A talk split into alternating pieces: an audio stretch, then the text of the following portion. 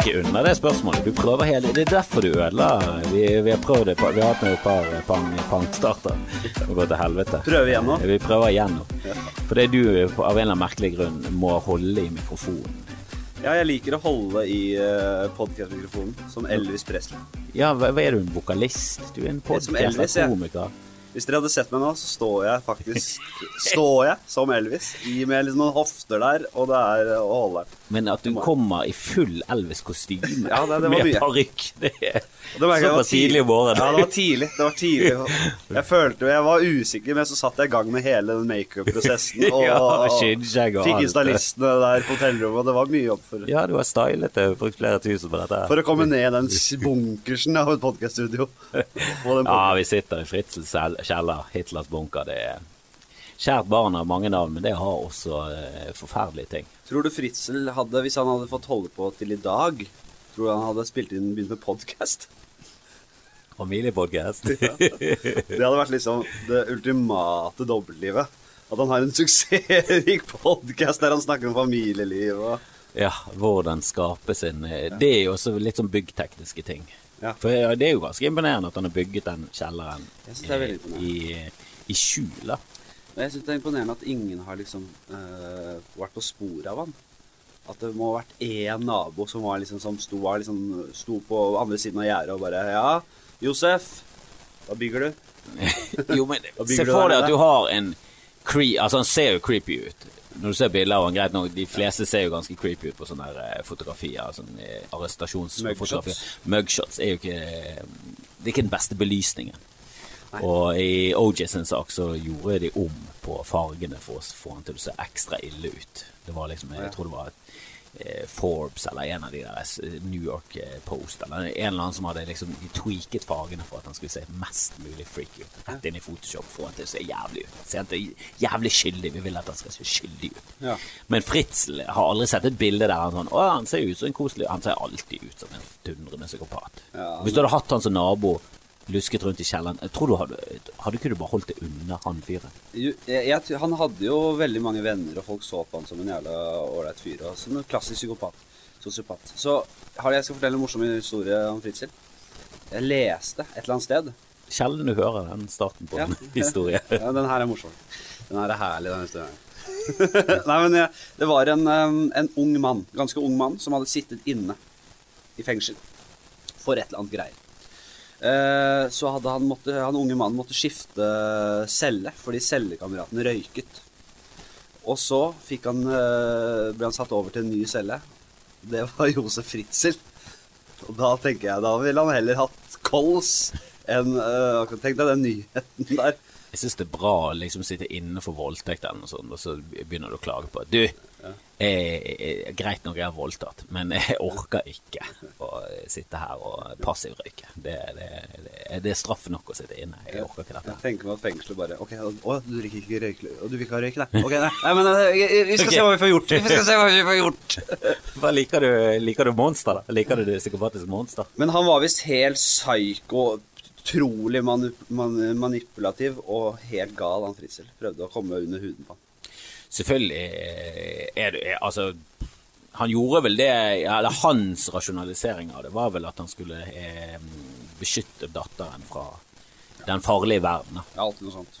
Eh, ja, ja, for jeg satt faktisk og tenkte på det i dag, at alle rasjonaliserer jo sin egen tilværelse hele tiden. Og eh, for eksempel når du flytter inn i et hus, så er så å si alle veldig fornøyd med det huset. Og det, det viser seg i ettertid at det var det beste huset de hadde vært på visning i. Ja. Uansett hvor mange budrunder de har vært i, så var det det, det, var det huset de fikk. Ja. Det, var, å, det, var så, det var så mye bedre, det. For det, for det andre det lå litt nærmt sentrum. Og det lå litt veldig sånn beleilig til for butikker og sånn. Og det hadde kanskje ført til mye sånn snoping. Men man orker ikke å innrømme overfor seg selv at Nei, det var kanskje nummer 13 på lista. Men jeg, jeg tenker selv med mitt Altså der jeg bor nå Jeg syns det er, kanskje var litt langt ute for at jeg var på utkikk etter. Men utenom det så er det liksom helt eh, Treffer det bare liksom blink på alt. Ja. Utenom eh, veldig mange av de punktene vi satt veldig høyt. Som det sentrumsnært, eh, utsikt.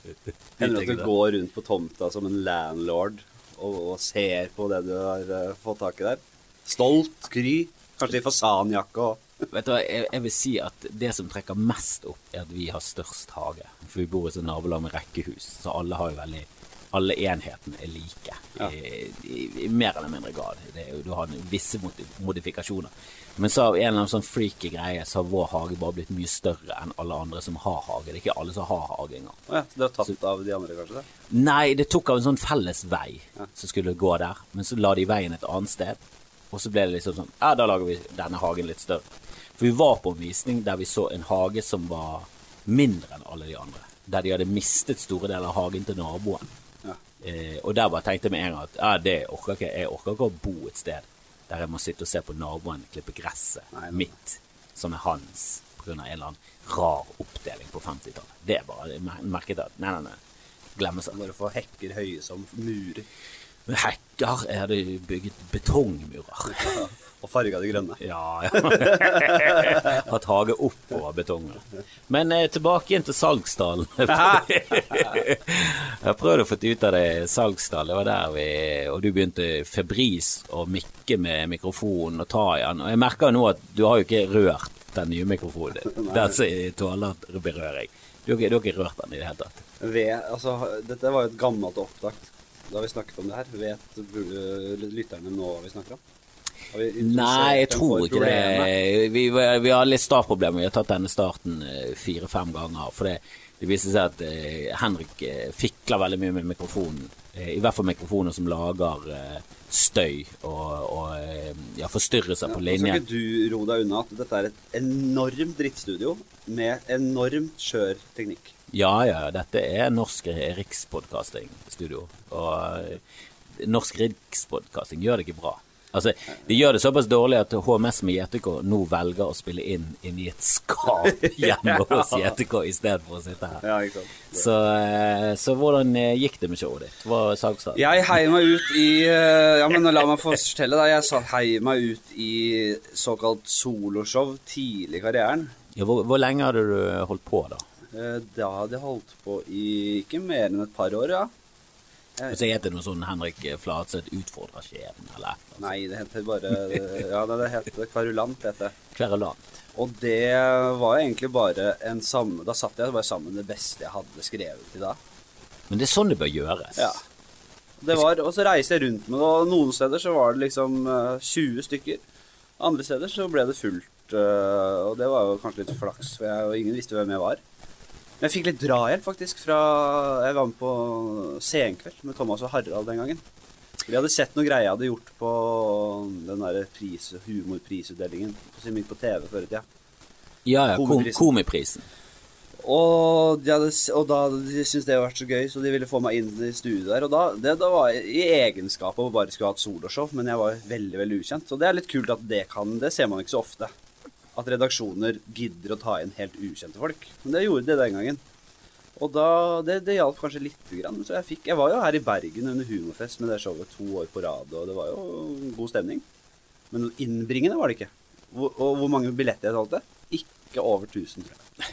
Og det var såpass, ja. Og det er, det er, det er veldig dårlig. Ja, for jeg syns det er litt sånn irriterende nå. For nå, nå kjenner jeg Det er veldig Det er kort avstand fra toppen av Humor-Norge til bunnen. Du skal ikke holde på lenge før du liksom er på hils med Bård Tufte. Eh, og det, når du ser salgstallene til, til de som gjør det bra, så er det litt sånn Er det der listen ligger? Må vi selge 100 000 for å være fornøyd? For det er sånn det føles nå. At du må i hvert fall For at du skal si at du har hatt en suksess, Ja. så må du i hvert fall Altså 10 000 holder ikke. Men jeg tenker, litt, jeg tenker en del på dette, dette her. Fordi for å nå opp til de salgstallene der, 100 000-klassen, Jonas Bergland, julegøy som du spiller i nå, det er juleshowet juleshow med Kevin Vågenes da, altså, må, Du må treffe en kommersiell nerve. Da. Du må treffe bredt. Du må være folkelig. Eh, jeg har ikke den pakka der, eh, tenker jeg. Så jeg, jeg er nødt til å bare gjøre min greie, så får vi bare ta tiden til hjelp. Nå, nå kommer jeg borti bordet. Ja, men det, nei, det går bra. Det, nå, ser jeg på, på eh, ja, de eh, linjene, eh, de utslagene, at det, det, gikk bra. Du må tydeligvis ikke være oppe i mikrofonledningen der, i det området der. Skjønner? Nei, så, så, så, Ja, men jeg vil jo så si at er- er Jonas Bergland er kanskje ikke er- typene. Jeg syns kanskje ikke Jonas Bergland slår meg som sånn veldig sånn folkelig og Ja, han treffer veldig treffer, han treffer hele Helsefags-Norge. Han treffer alle de menneskene der. Og så, jo, hvis du får vann på møllen, hvis en del ser showet ditt, du får kanskje et bra terningkast, så ruller det fort, veldig fort. Og Jonas er en veldig flink komiker. Er først, altså jeg tror det er først og fremst det at han er, han er jævlig flink, og så har han et bra show. Så er han kjekk. Han er, eh, han er på en måte likende på sin måte, selv om han er litt sånn Er det han du ville ligget med hvis du ble tiltrukket av menn? Hvis jeg var en groupie Hvis jeg var var på den andre siden. Nei, Ja. hvis, Eh, nei ja, kanskje Jonas Nei, det har jeg ikke tenkt så mye over, men jeg Eller er du mer sånn Ja, Dag Sørås, litt mer sånn koselig? Litt sånn nordlending, koselig? Sånn råbua-dialekten? Jeg ville hatt en tidlig dag før han fjerna lenkene og Ja, og litt sånn eh, chubby. Før han ble lenker. så strømlinjeforma. Han har blitt sånn altfor kommers. Han blir for glatt. Og vet du hva, jeg, spiste spisser i kanten før. Den spisser skjegget. Det var Vet hva, spisskjetting.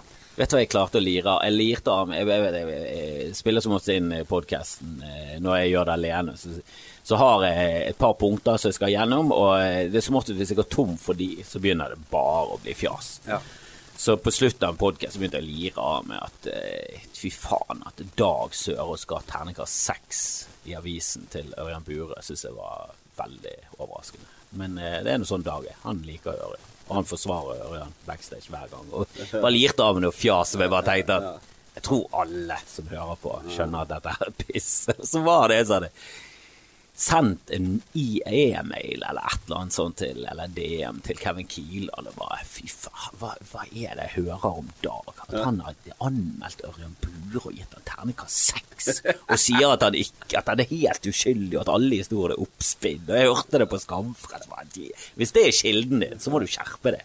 Hvis det er kilden din til fakta. Ja, folks kilder er jo bare å Det er bare å glemme hele greia. Hva, hva, hva er det som skjer? Nei Jeg orker ikke å ta den der eh, satiredebatten nå, for hva som er humor ikke, men eh, ja. Nei, den tok du forrige gang med Eller med Erlend Osnes, det var ikke forrige gang. Men Og jeg snak, vi snakka om det i går, og vi snakker om det hele tida. Men det er jævla viktig. Det, vi brenner for det. da Vi brenner åpenbart for uh, Vi er jo antirasister som brenner for likhet og et samfunn, inkluderende samfunn. Ja, Åpenbart. deg om det Men for oss, er ja. rasist som, som brenner kors i hagen Men til. for oss komikere så er det viktig at satire ikke dør ut, da. Det er, sier seg selv. At man ikke må på en måte unnskylde alt man sier, og tydeliggjøre det så jævlig hver gang, og at det, ord i seg selv ikke blir forbudt, og sånne ting. Det, Nei, jeg har enorm respekt for de komikerne som bare aldri sier unnskyld for noe. De bare gir totalt faen. Det er så herlig. ja, jeg kommer faen jeg, jeg, jeg håper virkelig jeg er en av det. Men nå er jo du en veldig fri eh, sjel. da. Du er, for det første, managementet ditt veldig Ja, virker som jeg er ja, mer interessert i å ta vare på artistene enn å ta vare på ja, eventuelle folk som ikke liker humor som artisten holder på med. Som er veldig sånn rar greie. At, «Å, vi, må, vi må høre på hun bloggeren, hun som aldri går på standup-show, og som ikke likte den dvergevitsen. Hun må vi høre på, Ja. istedenfor å ta vare på han komikeren som kan stå inne for den vitsen. Det er en veldig bra vits. Og gi totalt faen i hva en eller annen rosa blogger holder på med på fritid. For å skryte litt av managementet mitt, så har de alltid vært veldig opptatt av at man skal ha frihet til å gjøre det man vil, og at man skal bruke tid til å forme seg selv som uh, artist. Uh, og at det skal aldri blitt liksom satt på noe, en eller annen drakt og tatt med til et fotostudio for å lage plakat.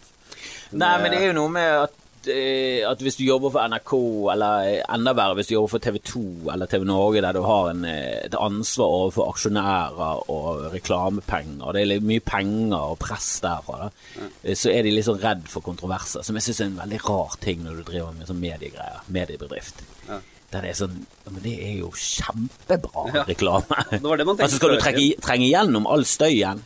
Kjør på med en skandale. Det er alltid tenkt at jeg har en idé her, og jeg kan snakke om dette her, og da kommer det garantert til å skape kontroverser. Er folk sånn Ja, men det må jo ikke ha. Hvilken tid er det du lever i, egentlig? Det er jo kjempegøy. Ja, men vi lever i vår tid, og det er en jævlig tid. Jeg hater den tiden her. Nei, det er jo kjempegøy. Altså, på mange måter er det en jævlig gøy tid. For det første så er det bare det, det media som gjør dette til en stor greie. Det er bare piss. Det er veldig få folk ute på, i ytterkantene som, som mener eh, kontroversielle ting. De fleste som mente at Tore Sagen var rasist, fikk jo bare eh, et minuttsklipp der han bare sier at 'dette mener jeg, og dette har jeg funnet på telefonen min'. som skal liksom underbygge satiren, og at, eh, at de skal gjøre det flau, da. Ja. Og så bare hører de at han raljerer løs. Så, så i utgangspunktet så høres det ut som han sånn Ja, nå har jeg faktisk funnet et notat som er skrevet seriøst på telefonen min. Ja. Og det skal jeg si til dere, for dette er ganske flaut at jeg har disse tankene. Det er jo det det høres ut som. Ja, ja, ja. Og for, for, hvis du hører det på den måten, presentert på den måten, selvfølgelig er det sånn Hvem er han fyren? Han hvite mannen? Han må jo vekk fra. Han kan ikke holde på. Er dette humor, liksom? Det er Det er helt psykopatisk. Og når du da får, eh, får høre at å, ja, det var en større sammenheng, så gidder du ikke å høre Da det sånn, da har du allerede gjort opp meningen. Men, sånn, men det jeg hørte, var jævla drit. Det var ufattelig stygt å høre på. Ja. sånn, ja, men det var en flau Du må se de større kont... Altså bare sånn Nei, nei, nei, drit i det. Det er Altså, ironisk at de faller for Goebbels grep, da. På en måte. Goebbels var jo flink. De grepene hans. Kjempebra ja, grep. Bare ta det til kontekst. Bare gjør alt altså, nei, Jeg sier ikke at Jonis Josef er, eh, er Jørnes Josef Goebbels. Jonis Goebbels. Jonis Josef Goebbels. Men det var helt dritt at det kom ut av kontekst, og eh, jeg er så lei. Ja, men drit i det. Vi, vi må snakke mer om det. Vi må Nei, fokusere på det som er viktigere i livet, og det er Henrik Flatseth. Jeg hører på podkasten din. Eh, nå er du må lage mer. Hva du holder på Ikke ligg på latsiden. Kvern ut to episoder i uken. Det var masse nei, folk rundt det. Nå må jeg masseprodusere de greiene. Jeg er jo ferdig. Jeg har begynt å komme på den siste episoden der det var en arkitekt som begynte å snakke. Jeg tok han av meg. Jeg vil ikke gjøre det, arkitekt. Hva? Det. Ja da, jeg skal høre den. Og jeg hørte jo til og med det med han eh, narkomane fyren som har jobbet i Trygdekontoret. Det var jo eh, kanskje en av ja, topp tre episoder. Ja. Kjempefascinerende fyr. Jeg, jeg gidder ikke å rushe en dritt, jeg. Jeg, skal, jeg Men du er en latsabb. Jeg er en latsabb, jeg. Jeg, elsker å bare være hjemme med bikkja. Jeg vanner heller noen blomster enn å jobbe. Med, med humor. Det er jo humor, jobb. Hater humor, jeg. Jeg hater det verste jeg vet. Nei, nei, nei, nå må du slutte å tulle. Du er jo ganske produktiv for å hate å jobbe. Jeg er eh, jeg, jeg gjør ting som faller min vei, og så skriver jeg noen eh, Så tester jeg ut noen ideer på scenen av og til. Noe funker, noe funker ikke. Noe tar jeg med meg videre, noe tar jeg ikke med meg videre. Og så skal jeg nok lage et so nytt soloshow i løpet av noen år. Eh, Da blir det, da blir det jævlig mye jobb. For skal jeg gjøre noe sånt, så skal jeg gjøre det virkelig skikkelig bra, da. Så det er sånn Jeg vet at det kommer noen eh, Det kommer tider der jeg må jobbe jævlig mye. Og ha 150% fulltidsjobb, alt det der greiene der. Og da gjelder det å slappe av mens man kan. Ja, men helvete, du må jo, du må jo få, få liv i denne karrieren din. Den ligger jo død som en eh, druknet padde nå. Det er jo jeg, jeg, jeg, jeg har vært inne og sett på den der overordna karrierekurven som jeg har inni et sånt system jeg har laget. Det er den som begynner med en bulk, og så er det bare som en den går sakte, men sikkert slakt oppover. Altså. Hadde det vært en sånn hjertemaskin, så hadde det vært på Nei, den hadde vært Det kommer litt. Kommer litt. Men eh, jeg vil vite mer om det. Du kommer jo fra Bekkelag, og alle i Norge kjenner Bekkelaget kun fra kvinnehåndball, og han er Skyvåg og hele den pakken her. Susann. Og ja, nei, egentlig mest eh, kvinnehåndballen. Ja, det mest- ja, for Norway Cup er knyttet til Ekebergsletta. Ja, men det er Bekkelaget. Ja, men det Det er- vet jo ikke vi. Nei. Du må få forklare. Hva, hva er dette for et eh, sted å komme fra? Det er litt sånn suburbia, ikke det? Det er eh, vestkant, nei, østkantens eh, vestkant. Det er i hvert fall Nordstrand, da, blir det ofte kalt. Østkantens perle. Ja, mens Nordstrand er jo en veldig stor bydel. eh, og Bekkelaget er på en måte et si, en forstad Nei, men det er- det- det er Fordi litt det er, når sånn, du kommer opp med trikken forbi Ekebergrestauranten og Sjømannsskolen, og så kommer du først til dette som heter Bekkelaget. Eh, og det er en eh, Det er liksom Det dreier seg rundt denne Ekebergsletta, den Norway Cup. Uh. Det er jo veldig fint der, og det er, det er sånn skoger, og så denne skulpturparken. Og så, Ja, det er liksom, du, det, du går ikke langt før du kommer på en natursti inn i skogen og koser deg. Ja, når du er i gamlebyen, altså nede i sentrum, siste, siste skanse før du begynner å gå opp i høyden der, så her kommer Ekebergskogen med alle disse skulpturene, Ringnesparken der. og- Men det er litt sånn trygg, trygg oppvekst. Da, selv om altså det er ganske Ja, ja. men allikevel så er du liksom ikke Du er, ikke, du er liksom ikke rundt Akerselva og må kjempe. Jævlig trygg oppvekst, og det er vel en grunn til at man blir litt lat òg, da. For har ikke, man har ikke opplevd en dritt motgang. Bare Men du måtte ikke selge hasj for å brødfø familien. Måtte ikke selge en noe hasj, faktisk. Ikke, ikke en, ikke en Ikke null, null, engang. måtte selges. som man sier. Eh, Men det var eh, Det var jævlig Vi hadde det jævlig gøy. Det var klart mye dreide seg rundt idrett og fotball og alt det der. Og så var det etter hvert så begynte man å dra på fylla. og hang rundt med vennene mine og drakk. så- så Ja, Nå begynte dere å drikke. Eh, Jeg tror jeg begynte å herje der rundt niende klasse. Ja, det klassiske. Så var det mye fyll, mye Kasta bort mye tid. Bort mye tid. Mens du hadde med, det, det finnes de derre uh, ungdommene som på en måte kanskje ikke har uh, følt seg helt tilpass her i livet og begynte å, å, å, å ha den derre 'jeg skal vise dem'. Skjønner du? Hadde, hadde du den? Nei, jeg, absolutt ikke. Nei. Jeg skal vise dem en dag, så skal jeg, og så jobber du knallhardt om du sitter og leser fysikk, eller om du, du jobber, står på rommet ditt og skal bli artist. Det er kanskje det tristeste. Hvis du ikke klarer det. Det er jo sånn alle artister føler, eller de fleste artister har gjort det. De har stått med kammen foran speilet. Men så er det 99 andre på, på 100 Tenk på alle de 100 som har stått med kammen foran speilet, og som ikke har klart det. Og nå står de og skjemmer hår og klipper. Med sånne psoriasis-hender og bitter. Den sangkarrieren, den demoen de lagde. Det er et filmatisk bilde du lager der. Du, du klipper fra den der Ja, ja. barnerommet til at du har fortsatt kammen, men grer en eller annen sånn flassete gammel eh, gris på Nikita. Du zoomer inn på kammen, og så skifter du vinkel, og der er det et hode som står, og så sier det 'Er du fornøyd nå?' står det opp til speilet. Hva syns du? Og så, Og bare så går hun ut på bakrommet og vasker hendene mens hun gråter litt. Så nynner hun litt på den demoen hun lagde på 90-tallet. ja, det er veldig bra. Kassetten hun tviholdt på, som gikk, gikk runden med og ikke ville ha. Men det, det hadde ingenting med det å gjøre. Du eh, spilte fotball og var i trygge omgivelser. Hadde du Ja, noen relativt- ambisjoner? relativt- var det noen, noen drømmer når du var liten? Mm, jeg, eh, jeg er ikke så privilegert at jeg husker så veldig klare ting fra, fra barndommen. Jeg, eh, ting fløt greit, og jeg hadde det veldig trygt og godt. Et veldig fint hjem med gode foreldre. Noen søsken? Ja, en storebror.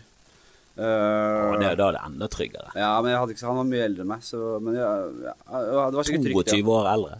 Nei, 22 år. Nei, 8 år eldre. Nei, så Åtte år eldre? Ok, Ja. det, er litt, det er litt mye. Men barndommen er sånn Ja, ja, hva faen skjedde der, liksom? Det var noe fotball, og surra rundt, liksom. Og så var det jo, ble jo litt mobba av og til der, og så mobba jeg litt selv, og så var det sånn der Det, gikk, det regnskapet gikk nok opp i opp, men aldri så mye at jeg jeg har aldri følt på noe, noe liksom Ting har vært trygt og godt, da. Og så kom ungdomstiden, og så var det mye fyll og, og faenskap, liksom. Også, og det er også noe som man glemmer, fordi en ung hue skal ikke ha så mye alkohol. Nei, nei, nei. Så det, det, da går det på hukommelsen løs.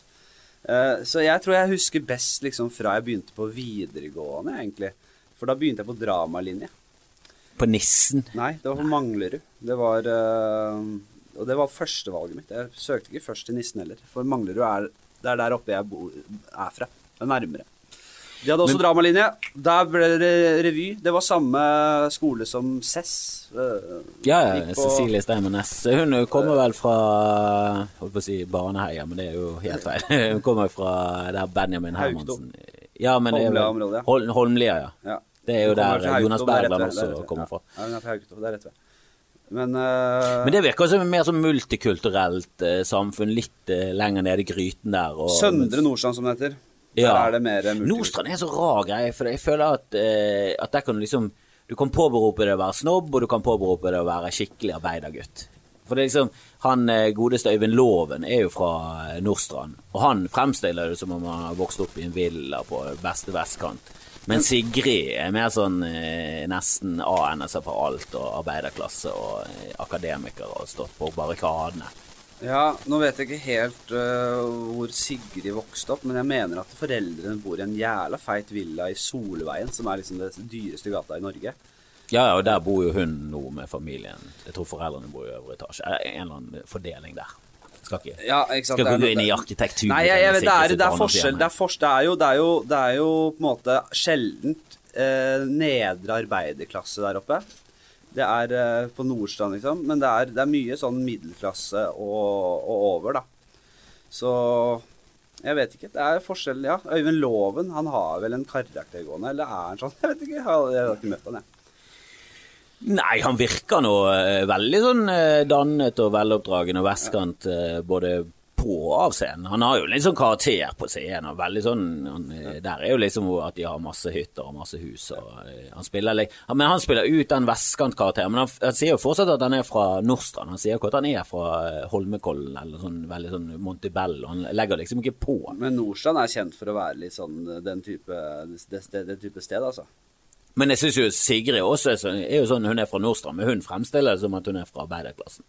Ja, men det er, kan stemme, det. Det er, øh, det er Det er mix, da. Det er jo Jeg tror det er forskjell på tidene her, ikke sant. Det er noe sånt. Jeg vet ja, Du, du spør, jeg vet ikke. Jeg vet da faen. Jeg, jeg vet ikke, Jeg jeg du som er derfra. Du, Jeg, er jo ikke arbeiderklasse, men jeg er jo på en måte jeg, Hva- er det foreldrene dine gjør på da? Jeg er ikke bortskjemt. Hva er foreldrene dine? Far er oberst, og din mor er hjemmeværende. heismontør, liksom.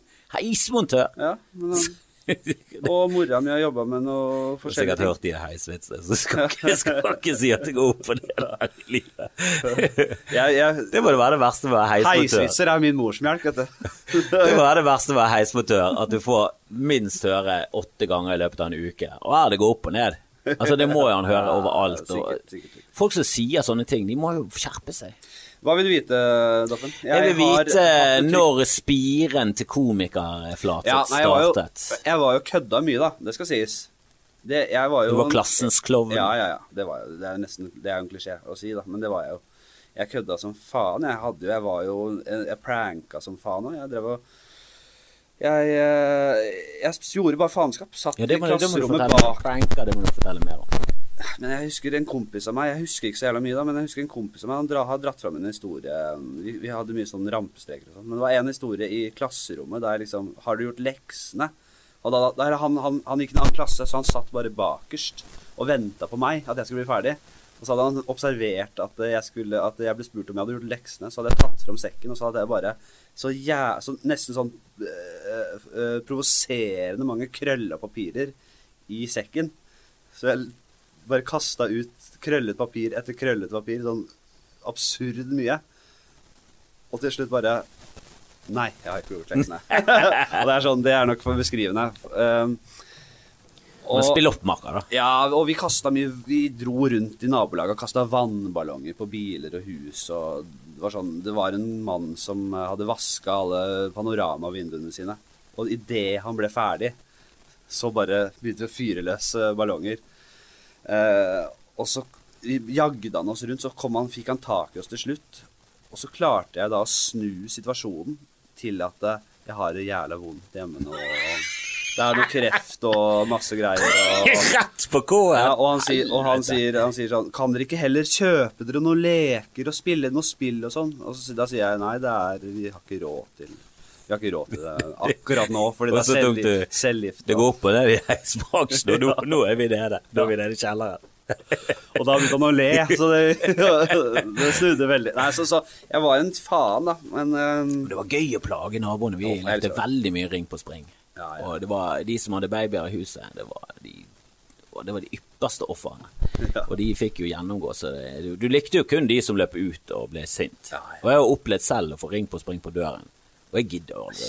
det Altså, det var sånn Men det var noe en helvete. Jeg husker en, en, en kamerat med Tom. Han hadde en lillebror som var veldig mye yngre enn han. Og eh, det var en periode vi var veldig glad i å plage de.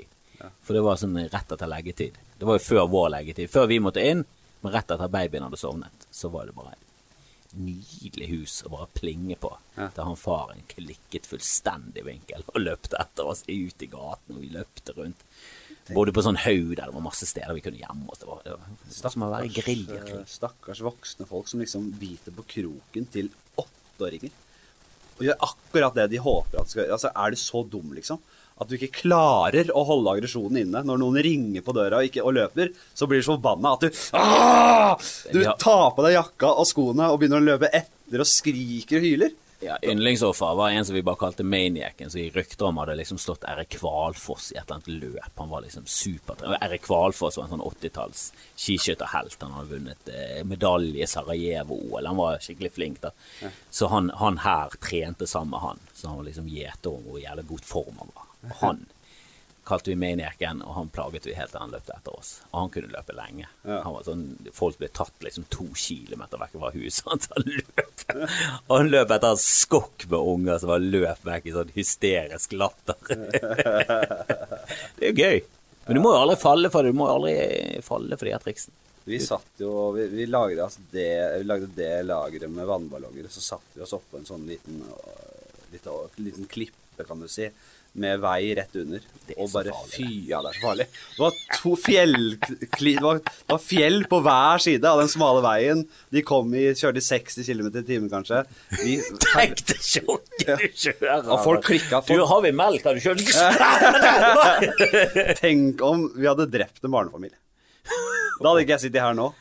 Det Nei, det hadde vært barnevern og ungdoms... Eh, kanskje fengsel, til og med. Altså inn i sånn omsorg og Ja, det hadde vært skikkelig ille. Men da hadde vi Vi hadde, vi, vi, hadde, vi hadde fortsatt vi Da hadde, hadde det gått ned for heismotøren. Det hadde vært Ja, da, da hadde, rett i underetasjen. da hadde vi solgt huset og flytta ned til Jesus. Flytta ut til Etterstad. Ja, det er helt utrolig hvor mye, hvor mye jævelskap du kan finne på. Jeg husker også vi hang etter biler eh, om vinteren. Hvis det var liksom snødde. Ja. Kunne du henge, hvis du hang i tilhengerfestet og på støtfangeren, så kunne du henge bak. Surfe etter. Surfe etter biler. Ja. Og det gjorde vi. og det var, Men det er jo livsfarlig. og Tenk de bilene. Tenk, den, tenk hvor panikk det er for en, for en eh, gammel fyr som kjører i 40, og så bare merker han plutselig at det er en unge som henger bak bilen. I altfor høy hastighet. For etter hvert så kommer du så høy hastighet at du kunne ikke slippe. Da måtte du bare vente til du kom til en sving eller et eller annet. Og livsfarlig. Du kunne ikke tappe ut da, på bakruta. To taps, og så vet du at det det liksom ble jo også løpt etter når du holdt på med sånne ting. Og Det var jo det som også var målet hele tiden, å bli løpt etter. Ja, men det er sjelden eldre folk tar igjen en ung, uh, ung gutt. Men Det virket som vi bare skulle ha et påskudd for å trene.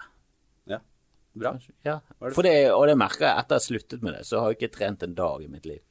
Men med fare for å høre veldig gammel ut, så er det bedre at eh, unge driver med sånt enn å sitte inne på en pad. Da.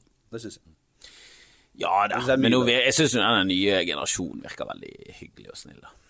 Litt kjedelig kanskje, men Jeg tror vi bare er nødt til å Vi må ta litt av den gamle fryktløsheten tilbake hos foreldre. At vi må bare finne oss i at ungen Det er en liten sjanse for at de kan daue. Og det er sånn verden alltid har vært. At hvis du ikke klarer å klatre i et høyt tre, da var det kanskje ikke meninga. Ja, men det, er lett å si når du ikke har unge. Ja, det er veldig Jeg er en hund, da. Jeg kjenner jo det. er for- Det er ingen som bryr seg om den hunden. jeg blir overkjørt av en dampauer, så ingen som feller en tåre. Til og med du var bare sånn Nei, jeg får meg en ny hund. Det går helt fint. Hva, hva, hva endte du opp med navnet egentlig på denne? Snella. Snella? Ja, det, var ikke, det, jeg, det, vok, det har vokst på meg, men jeg var ikke den som kjempet for det. altså. Nei, det var eh, din dame. Jeg kjempet for Siggen, jeg. Siggen. Ja. Men det, var, det har ikke blitt en Siggen. Da måtte vi hatt en stygg, sånn, øh, kalvbeint, øh, hårløs, dritstygg hund. Som Jeg for, foreslår jo med en gang at jeg skaffer det, og så har jeg Siggen og Snella. For da blir det, det høres bra ut som et par. Jeg syns Snella i seg selv var litt eh, Ja, kanskje det vokser, men eh, Du, det, vokser, det er ikke der ennå. Nei, det vokser på, det vokser på meg. Det er jo, man, Etter hvert så driter man i det navnet. Det er jo Den, øh, den, øh, den var fra Sverige, så det er en sånn dobbeltbetydning i det. Snella. Snille. Ja, ja, sånn, ja. ja. Ikke at det gjør det, det er, litt, bedre. det er jo litt skammelig at hunden ikke bare heter et rop, for det har jo du stått på scenen og påstått i flere tiår at du skal ha en hund, og da skal han bare hete Men jeg ble, jeg kommer liksom i undertall, da. uh, med disse humornavnene mine. Og jeg har også kødda med hunder og klær. Klær på hunder. Tror du ikke Oda, dama mi, har kjøpt sånn jævla vaffeljakke til bikkja, eller? Vaffeljakke, herregud! Går du rundt med en snella med vaffeljakke? Helvete. Jeg gjør ikke det. Jeg skal aldri gjøre det. Men hun har kjøpt Ikke si flere det, plagg. ikke si det. Snart må du gå på tur, Oda sitter hjemme eller jeg eller du må gå ut, og så prakker hun på seg den eh, vaffeljakken. Så går du rundt med vaffeljakken du fikk til jul. Dette er, jan, dette er januar nå. Det I kommer- det kom- 2020 så går du rundt i vaffeljakke selv, med en bikkje med vaffeljakke. Og, og, du, og, og etter hvert så skammer du deg ikke engang. Det er det du gjør. Men du det har bare blitt nye- en vaffeljakke. Det kommer ny plagg i posten nå annenhver dag. Nå er det vaffeljakke, Marius-genser Det er faen, altså. Ja, det Men er stakkars Snella fryser hun skjelver jo, stakkar. Hun er ikke bygget for dette klimaet. Hunder har pels! Det er jo det de har. De har jo innebygd genser. Det er så latterlig. Jeg, jeg, jeg Ja, men det er minus ti i Oslo av og til. Ja, vent til Da kan jeg kanskje Ja, det er- Allerede Da kan begynner det du å rakne. kanskje være greit med Marius-genser. Men du eh, begynte på Manglerud. Var det fordi du hadde lyst til å begynne med revy og tull? Eller var det bare en god skole, og du skulle få gode karakterer og fortsette ditt liv som ingeniør? Jeg kartla ganske tidlig at uh, hva jeg var god på og ikke god på. Og jeg var veldig dårlig på alt, alt egentlig. Jeg var, jeg var ikke spesielt jeg, Du var veldig flink til å kartlegge, da, og du endte opp med fuck ingenting. Var, Jo, nei, men jeg, jeg tror jeg, tror hvis, hvis jeg hadde vært en, en sjef, en leder, så tror jeg jeg hadde vært eh, ganske god på bare å delegere. Det hadde vært min fremste egenskap. Så der kunne jeg kommet ganske langt bare på å delegere ting. Men jeg hadde ikke klart alle oppgavene selv.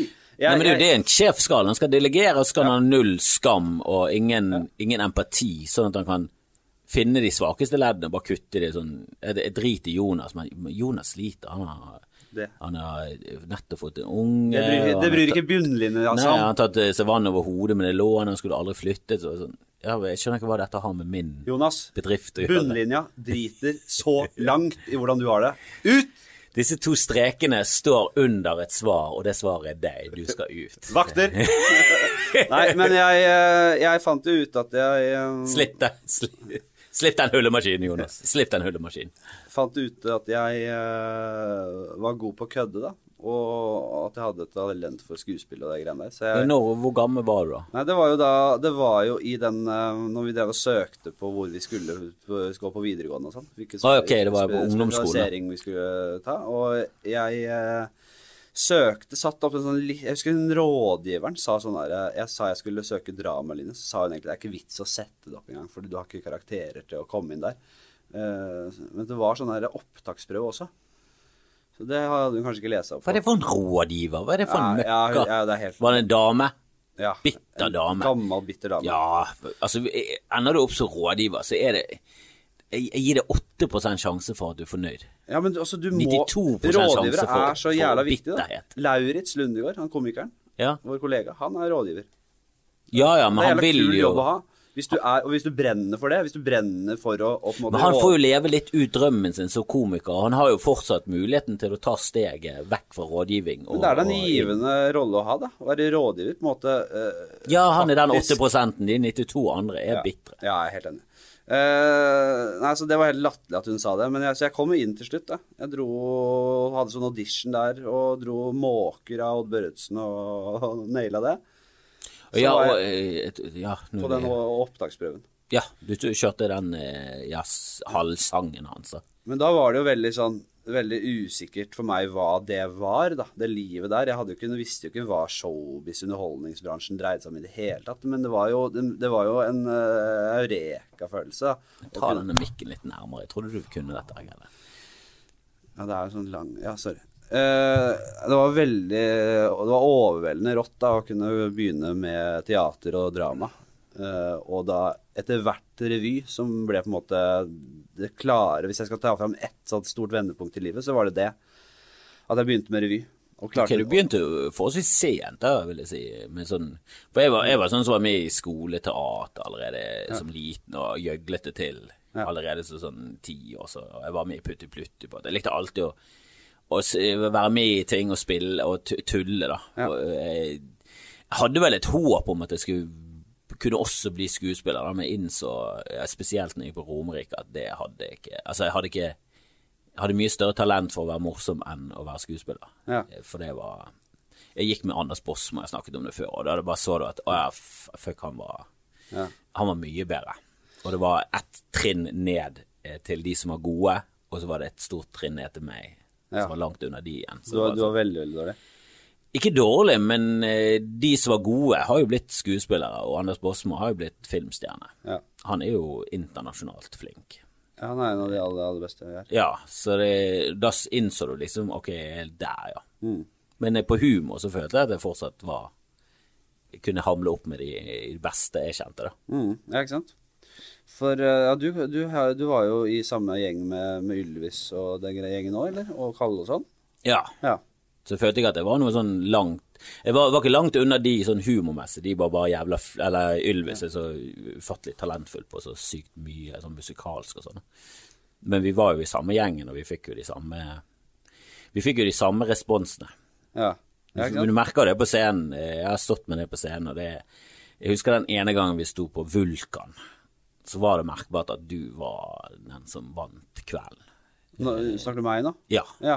Når vi sto der med Nils Inger Odne, han var konferansier, og så var jeg, skulle jeg headline, så var du eh, 15 minutter. Ja. Og jeg tror vi var én til. Ja. Og da var min bror der også, han var sånn nei. Ja. Og han pleier å være veldig ærlig. Han sa han, faen, ja, du var bra i dag, men faen, han der eh, Henrik Han tok denne kvelden. Det må jeg bare innrømme. Ja, når det kommer til sånn klubb-standup, bare å stå der og fjase og gi faen, så er jeg, der er jeg ganske god. Altså, det har blitt eh, Det må jeg si. Er, jeg, jeg er nok mer Jeg er nok mer bare sånn uh, morsom fyr enn dyktig. Jeg er, jeg er ikke noe sånn Jeg var kanskje mer sånn revydyktig, skuespillerdyktig. Jeg jobba mer før i tida. Nå, nå flyter jeg kanskje litt mer på bare Jeg vet at jeg jeg, jeg ikke noe Jeg tar jeg det gir faen i. Jeg bryr Ja, altså, jeg, ikke bare flyte på talent, for da kommer eh, andre mindre talentfulle til bare å gå forbi deg fordi de jobber mer. Ja, nei, det er, det er en fare for det. Men det er jo også Det er ikke sånn at jeg ikke jobber i det hele tatt. Men jeg er nok litt lat, ja. Det stemmer. Det stemmer. Ja, men du gjør nå ganske mye. Du dukker jo opp. Du jo, har jo sådd sjelen din til Mickey D, men det syns jeg er greit. Jeg synes ikke det Ja, det er ikke noen forferdelige reklamer. Eh, Vi var på Peppers Pizza. Det var, det var på grensen til eh, å bare få et karatespark midt i nesen. Men, eh, men det var liksom Du fikk lov til å prege rollen såpass mye selv og tulle det til, da. At det ikke ble helt sånn Men Ja, du, bare for- men for- totalt selging av sjelen, da. For å bli litt eh, For å være seriøs. Jeg, jeg, jeg har en veldig klar visjon på hva jeg ønsker å være, hva jeg ønsker å drive med. Og, og, og da, det innebærer også hvem jeg ønsker å være som person. Da, hvordan jeg ønsker å ha det sånn i privatlivet mitt. Det er en veldig viktig del av, eh, av når jeg tar vurderinger og, og, om Ja, det virker jo som du taper litt på hjemmefronten nå, med det her pu- pu- plutselig er det vaffeljakke på bikkjen din. Og Ja, du, må Ikke gi, du må gi litt og ta litt. ikke får du velge navn. Og, eh, hva gjør du egentlig hjemme? Nei, du, jeg har masse ponnus igjen. Og jeg slår når jeg trenger å slå. Jeg kan ikke slå hele tida. Jeg kan ikke dele ut uh, lusinger hele tida. Da blir det, da kommer politiet. Men du er opp, eh, opptatt av helheten i, i livet, da? ja, jeg, jeg, jeg har tenkt veldig mye på dette. Jeg, jeg, Holistisk tilnærming til ja, men jeg, mener jo at, jeg mener jo at uh, du må først og fremst søke det som gjør deg lykkelig som person. Eh, og dernest uh, gjøre karriereting. Altså, altså å gjøre de tingene med karrieren din som, gjør, som, du, som, føler at, som du føler det er riktig for deg. da.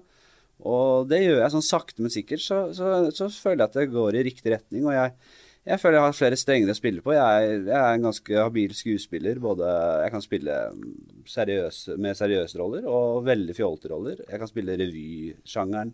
Ja, du spilte jo sint mann i vinduet i Unge lov. Det stemmer. Det ble jo Det, det, det ødela alle muligheter for en videre uh, Ja, det tror jeg det Hvis du, Nei, ser, alle hvis du ser noen serier, så ser du plutselig folk som senere får en fast rolle. Så spiller de en annen rolle plutselig i sånn tidligere sesonger.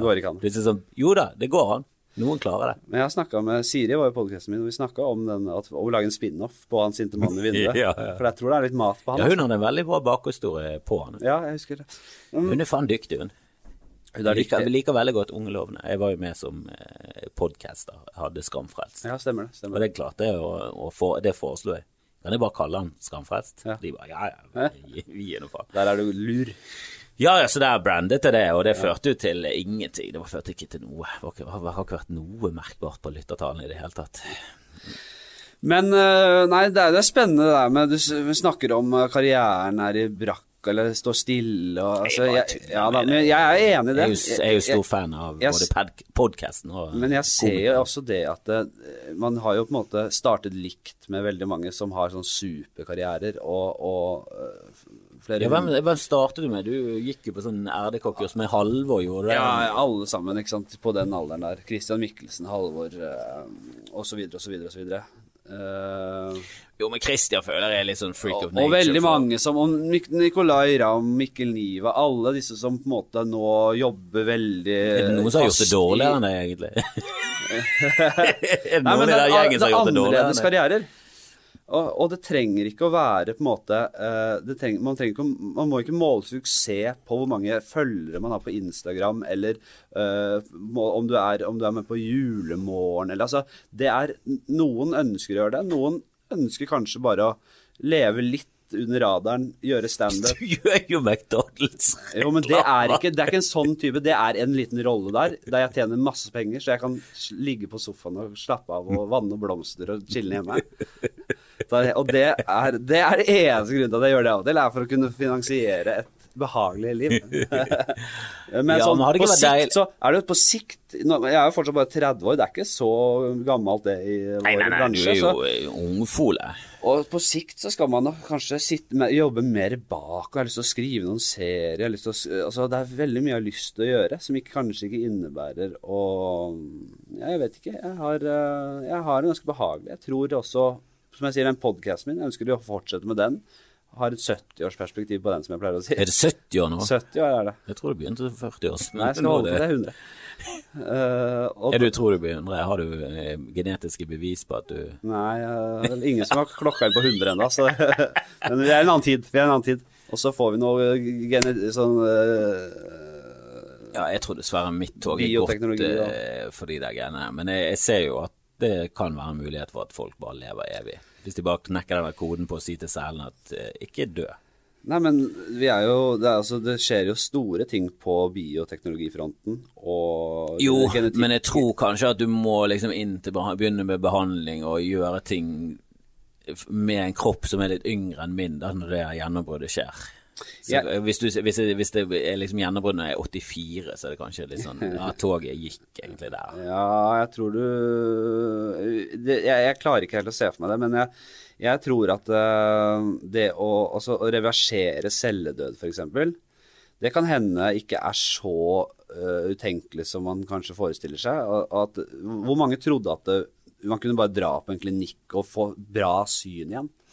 Nei, jeg syns det er rart at det er ingen fremtidsfilmer som kjører det plottet at eh, vi lever i en verden der de rike har eh, tilgang til behandling som gjør at de lever evig, fordi de bare har knokket koden på å si til selene at bare sånn, nei, ikke dø. Bare, Når du kommer opp til dette her, så bare slutter du å produsere det, og så gjør det dette isteden, og derfor bare reproduserer selene hele tiden. Du, er, du lurer selen til å tro de er 25 Ja. evig.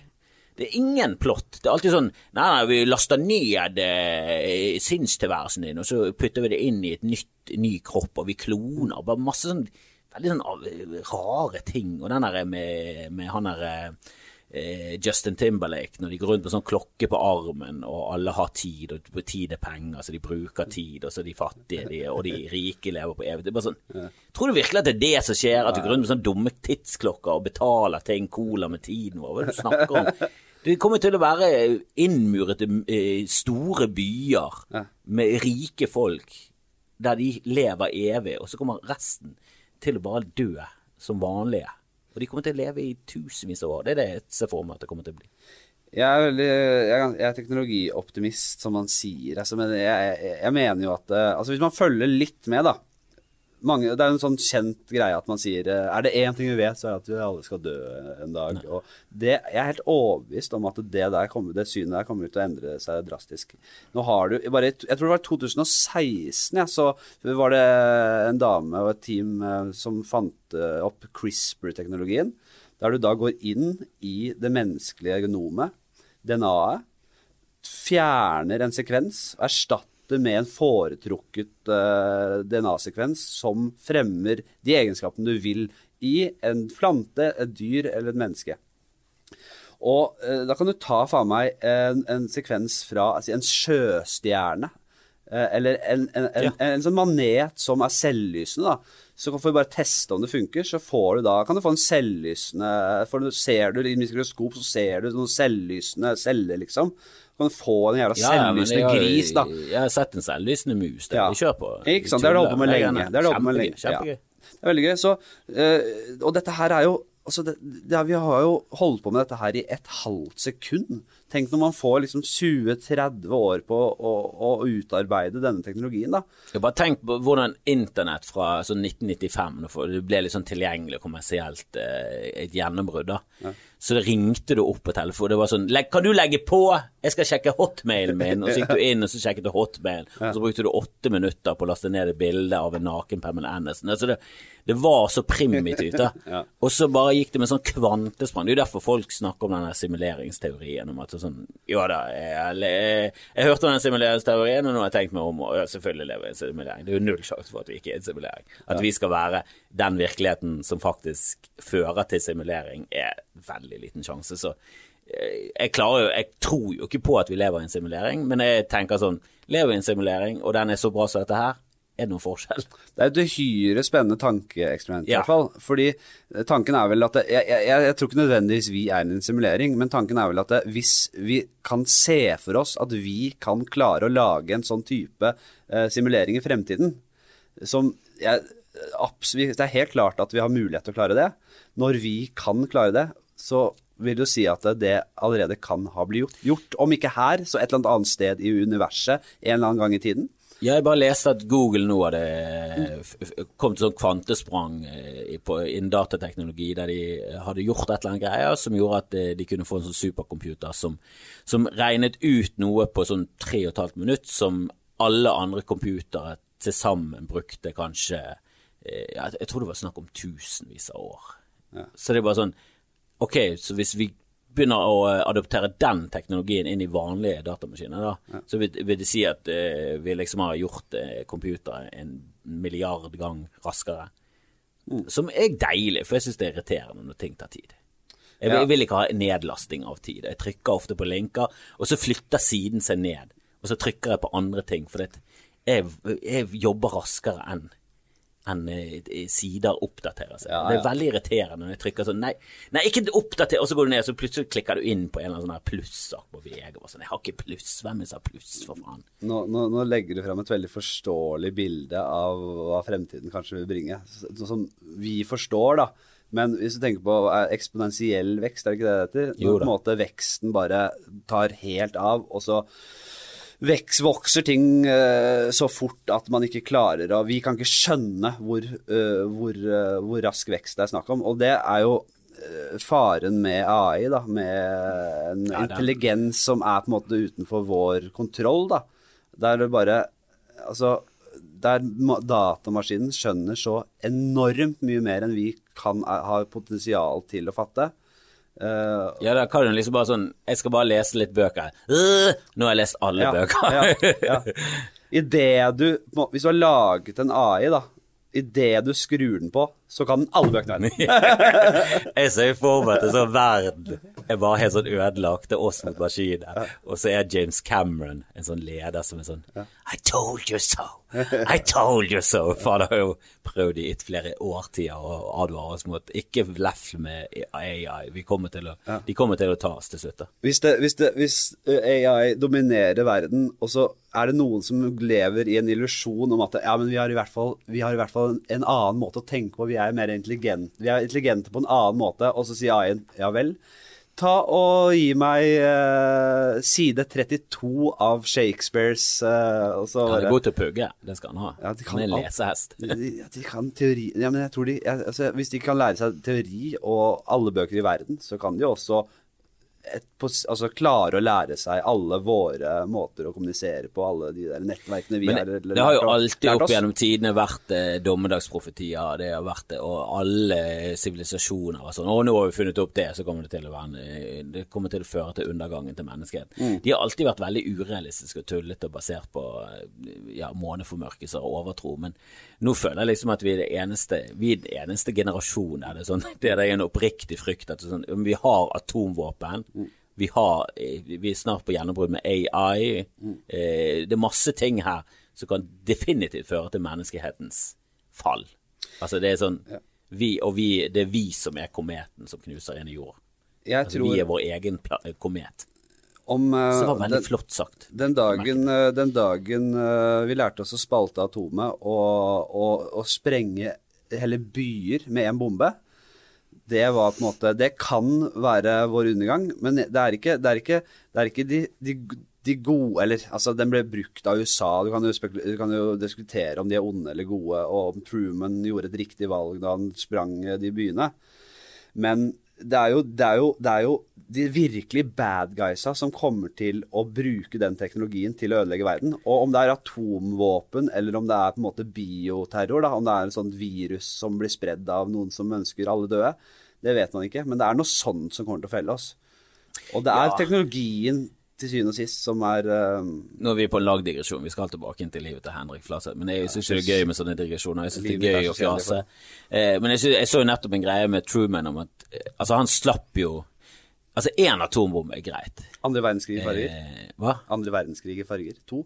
Ja, jeg har ikke sett Nei, nei, nei. Fantastisk. Men eh, jeg, synes, altså, jeg, jeg har sett en annen dokumentar. Det viser sånn For du får ikke vite dette her eh, sånn i historietime, men eh, USA brannbombet jo alle de store byene i, Tokyo i, i Japan. Eh, Lenge, altså I flere uker holdt Ja, de ja. på med dette. her Og jeg så sånn, Det er sånn tapstall. Det er sånn Tokyo 90 000. Altså Hiroshima døde det 110 000 eller noe sånt. I Tokyo så døde det liksom to uker før så døde det 90 000 i brannbombe. I Kyoto 80 000. Et annet sted 100 000. Altså det var sånn enorme tapstall, og japanerne bare nektet å gi seg. Ja. Og så syns jeg det er sånn veldig psykopatisk at de på veldig kort tid stapp to atombomber. Det var liksom ikke én atombombe, og så ventet de lenge, og så fikk japanerne samlet seg og så sagt sånn OK, vi gir oss der. Det var liksom sånn bang, og så to dager senere bang, ny by. Det var liksom Det syns jeg bare er så dundrende psykopatisk å Nei, gjøre. men, men, men hvis, du, hvis, du, hvis du trodde Hitler og Nazi-Tyskland var seige, så var det ja- japanske Helt- helt militærstyrte regimet var helt De, de var skulle, det- det de var- skulle dø alle sammen. Ja, men det var 100 som rai, dø. det, det var Ja. som rai-kultur, ikke sant? Det bare Nei, vi skal da faen ikke gi oss. Alle skal jo dø før vi gir oss. Ja. Og så var det til slutt keiseren som hadde en gude...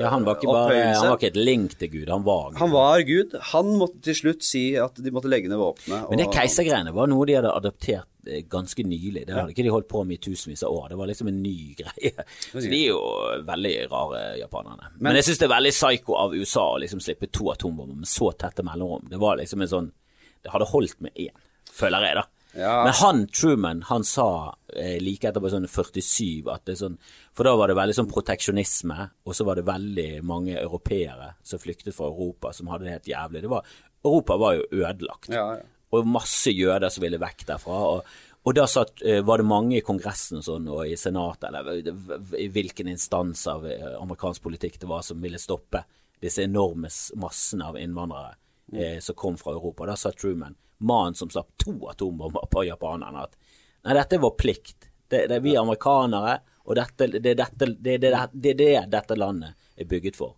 Å ta imot folk og gi dem et håp. Og mannen som slapp to atombomber på Japan, er det bare sånn Han er så mye bedre leder enn han fjotten, ostepopen, som sitter med makten nå. Som er bare Han er jo altså han, Du kan le av Trump, og han er så tåpelig, og det er mange som er sånn Ja, men han gjør det ganske bra, økonomien går bra. Så sånn, ja, men de tingene han gjør, er helt horribelt. Altså, Ja, Det er så latterlig at det er nesten ikke vits å snakke om det. Nei, altså, det for... vi kan le av alle de tullegreiene han holder på med, og tweetsene hans, og han er jo fullstendig psykopat, men det hans administrasjon jobber for, det virker som en sånn, bare en gjeng med onde Ja. som sitter der. Altså, det er jo bare samlet sammen tolv James Bond-skurker, Ja. og så sitter de og bare makkverker alt USA står for. Er helt De er helt De er i absurdusland. Men drit i det! Vi må komme oss tilbake inn til Flatseth. Du går på Manglerud, ser talentet. Hører du hvor kjedelig det er for deg? Nei, ja, selvfølgelig. Ditt liv blekner jo selvfølgelig når du har tatt opp Trump. Men jeg syns det er mye mer Jeg synes det er interessant at folk velger å bli komikere, spesielt standup-komikere, for det er så nakent og alene, og det er litt sånn weird å, å, å, å kaste seg ut i. Når var det du tenkte at fuck it, standup? For du har jo driver med revy, da er du sammen med folk, du er trykk, du står i en parykk. Hvis du bomber, så er det sånn Ja, ja, det var en dårlig idé. Vi var, vi var mange om denne ideen. Ja. Jeg, eh, jeg drev med revy. Jeg spilte revy i to år på skolerevy. Skolerevy er ganske stort, eller veldig stort i Oslo. Det Fikk, er, var du en av stjernene? Fikk du, eh, ble du, ble du fremhevet i kritikkene? ja, det skal jeg så ubekjent uh, si at jeg ble. Det er, jo ikke noe, det er jo bare fakta eller ikke. Ja, nei, det er fakta. Jeg var veldig god. Veldig, veldig god. Ja, nå, begynner, nå gikk det i skrittelag. Nei, men det var, der, der fant jeg en greie. Det, jeg, var, eh, jeg var god på det der greiene der, altså. Det må jeg si. Så jeg um... Var du sinna mann på trikk i sketsj nummer fire? jeg, jeg, jeg var, Det sinna-greiene har vel kommet mer med åra, vel. Men jeg har vel alltid hatt noe av det. Men uh, jeg var masse forskjellige greier. ass. Jeg husker jeg var en sånn derre Det- Man tenkte jo at det var jævla gøy og innovativt den gangen, men det var jo bare så uoriginalt og jævlig som Jeg håper jeg aldri får se det igjen, da. Uh, men Og jeg er så glad, glad sosiale medier kom i ettertid. Ja, fy faen, så glad jeg er for det. Og det er så mye pinlige ting i karrieren min. Uff, uff, uff. Nei, men det, det jeg, jeg, var jeg, ble, jeg, jeg husker jeg begynte på Romerike folkehøgskole. Du gikk der òg. Ja, etter eh, revygreiene, og da var jeg liksom etablert moromann og nesten bare det. Ja, for Jeg det, er jo Romeo i Romeo Julie og litt sånn. Ja, du har, du har snakket om dette på Flatseth-podkasten, som jeg anbefaler alle å sjekke ut. Eh, eh, der er det også digresjoner som ender opp i Trump og Absolutt, eh, absolutt, fremtiden og alt det der. Eh, nå- og vi skal jo spille inn en eh, Flatseth etterpå. Det skal vi gjøre. Mm. Eh, men eh, hvem gikk du på folkehøyskole med? For jeg, jeg føler at det å komme inn som østlending, Oslo-borger, Ja. Det er liksom et krav. Å komme inn som en bergenser, var det bare sånn Du, jeg har lyst til å gå der. Ja, kom, du. Å ja, ja at, de, at det er flere fra Oslo. At de er nødt Ja, til å kvotere jeg- inn resten av landet, ja. Jo, Ja, for de fleste som var fra Oslo, hadde liksom Ja. De hadde Alle hadde revybakgrunn. Ja, det er jævlig mange flere um, Det er mye større Mange flere som holder på med revy og teater sånn i Oslo, selvfølgelig. ja. Så det er jo naturlig at mange søker seg dit. Det vet jeg ikke noe om, men uansett eh, gikk ja, jeg, jeg, bare sier først at jeg husker jeg bestemte meg for For jeg hadde den der humorgreien i min hule hånd, følte jeg. Det var liksom Det bare falt naturlig for meg. Jeg er hele tiden i gråsonen av enorm av for mye skryt her. Det merker jeg. Selvskryt. Men, Jo, men eh, jeg syns det er et eller annet Ja, utrolig ja, kan- det er- det- med at du står på en scene og tenker at folk skal betale penger for å høre meg prate. Ikke faen om jeg åpner kjeften min før jeg får et honorar. Da må du ha en eller annen slags følelse av det er ikke bare morsomt, det er også litt viktig. Ja, det, det må prøvd- du ha Du i har fått prøvd over lengre tid. Du har uh, reist rundt Ja. og, og fått folk til å le så mye at du etter hvert uh, kommer inn i det sjiktet der du kan betale det du har betalt. Så det Men jeg syns det er rart at det liksom Det føles skrytete å si ja, jeg syns jeg selv er morsom. Mens hvis en, hvis en Geir Moen sier liksom ja, jeg er rask, så er alle sånn ja, det er du. ja. Det har vi sett mange ganger. Hvis du sier at du er morsom, så er det sånn Hva er det du tror du er? Du tror du virkelig at du er Ja. Tror du virkelig at du er morsom? Så, ja, jeg står jo på Altså, folk ler jo når jeg åpner kjeften. Ja.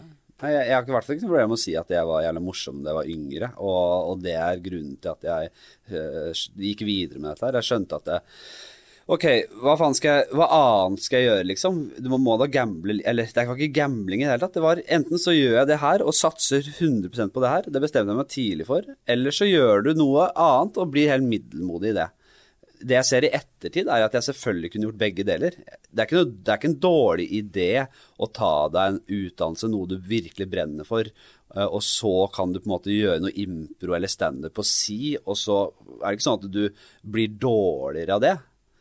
Jeg vil si det gjør du. Nei, det, jeg, jeg tror, du- det tror jeg det gir deg mer tyngde Jo, men jeg vil ha flere sånne bitre komikere som ikke fikk det til. Ja, som ikke det- det- det lagde er- seg sikkerhetsnett. Er det én ting det skaper, da, at du, at du bestemmer deg når du er 16 år for å bli komiker, og bare gjør det, det er en gjeng bitre komikere. For alle Det er ikke plass til alle. Så da er det veldig greit å ha noe på å falle tilbake på. Og det, problemet mitt var jo at jeg hadde ikke noe jeg brant ordentlig for på den tiden. Det var bare humor og skuespilleri og det greiene der. Så det er nå først i ettertid jeg har på en måte begynt å bli veldig opptatt av liksom sånn vitensk- vitenskaps... Altså biologi og fysikk og Så jeg aldri jeg ikke hjernen til det. Men jeg sier et, et, Det kunne vært liksom sosiologi, jeg kunne studert et eller annet sånt, men det har jeg ikke lært før. Antropologi, da.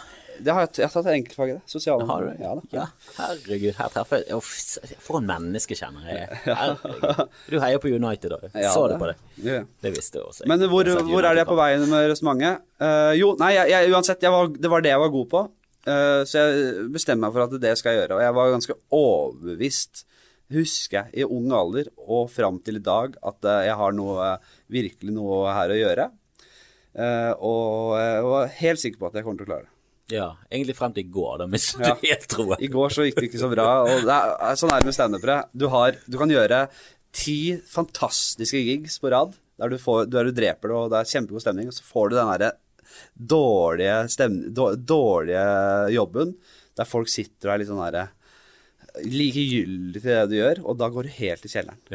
mister er tro på det selv. Materiale du, Kan jeg skrive vitser i det hele tatt? Tydeligvis ikke. Jeg har, jeg har ikke skrevet en god vits i hundebiten. Og, Ja, men da går det ja, Og da går du så jævlig inn i, i, i, i tekstene dine og bare Hva er det jeg snakker om? Hva, hva, hva, hva, slags betydning har den runkevitsen her for ver- verdens utvikling? Tvil ligger alltid rett under vannskorpen. Ja, nei, så Jeg merker det for lenge siden jeg har bombet skikkelig, og det, det Jeg tror det er farlig. Jeg tror jeg kommer til å gå på Du er i så kjempespenst. jævla trygge rammer nå, vet du. Du har soloshow. Ja, det, ja har, eh, julegøy og sånn er jo veldig til julegøy. rette, har du gjort, det, men jeg tenker mer på Det er det misunner jeg med østlendingene, at jeg har så mange muligheter til å um, teste og feile. Mm. For det den her feilingen er det Jeg tror du vokser veldig på hver gang du feiler. Jeg bare så sier, jeg har ikke fullført resonnementet jeg var Nei. på, så det blir veldig Fullfør, rart for fullfør. folk. eh, For jeg, jeg begynte på Romerike, og da bestemte jeg meg Ja. for at nå skal jeg legge Beklager. Om ikke legge humoren vekk, skal jeg legge det litt til side og fokusere mer på å, å, å, det seriøse skuespillerarbeidet. Og det klarte jeg jo helt delvis. Uh, Men jeg følte at jeg på en måte gikk ganske relativt langt inn i den der Jeg søkte teaterhøgskolen mange år etter Romerike. Første året mens jeg gikk der, og så søkte jeg vel fem år. Og eh, gikk inn i ganske tunge monologer og roller der. Og, og kom til tredjeprøve, siste runden der et par år på rad. Og det Det er var, ganske bra. Ja da, så jeg var eh, nesten inne der. Det er 30 som kommer videre av 500-600. Ja, ja, det er veldig, veldig bra det, altså. Så jeg hadde jo absolutt noe å fare med der. Men jeg, jeg, jeg mistet nok meg selv litt i de åra også, fordi det er jo en reinspikka gjøgler jeg først og fremst er. Så når man går inn i sånn tunge, deprimerende roller, så er jo det liksom Det er vanskelig å sjonglere de rollene der og liksom lystig komikk, liksom. Så der var jeg nok vakla litt rundt og visste ikke helt hva jeg skulle. Og så kom jeg etter jeg hadde vært to år på rad på den siste opptaksprøven til Teaterhøgskolen, ikke kommet inn. Det er ganske hardt slag å få, ass. Du har gjort Jeg kom bare til andre. Jeg, kom, jeg Ja. gjorde det ganske dårlig, og det var ikke noe sjokk at jeg ikke kom videre. Men du gjør på en måte alle de rundene. Det er jævlig mye jobb. Du gir så jævlig mye av deg selv. Den siste Ikke den siste, ganske mange dager. den, den den siste er en uke. Ja, masse forskjellige galskap. greier. Du skal inn i flere dialoger og fysiske oppgaver. Og Og masse. den tredjedel som kommer inn.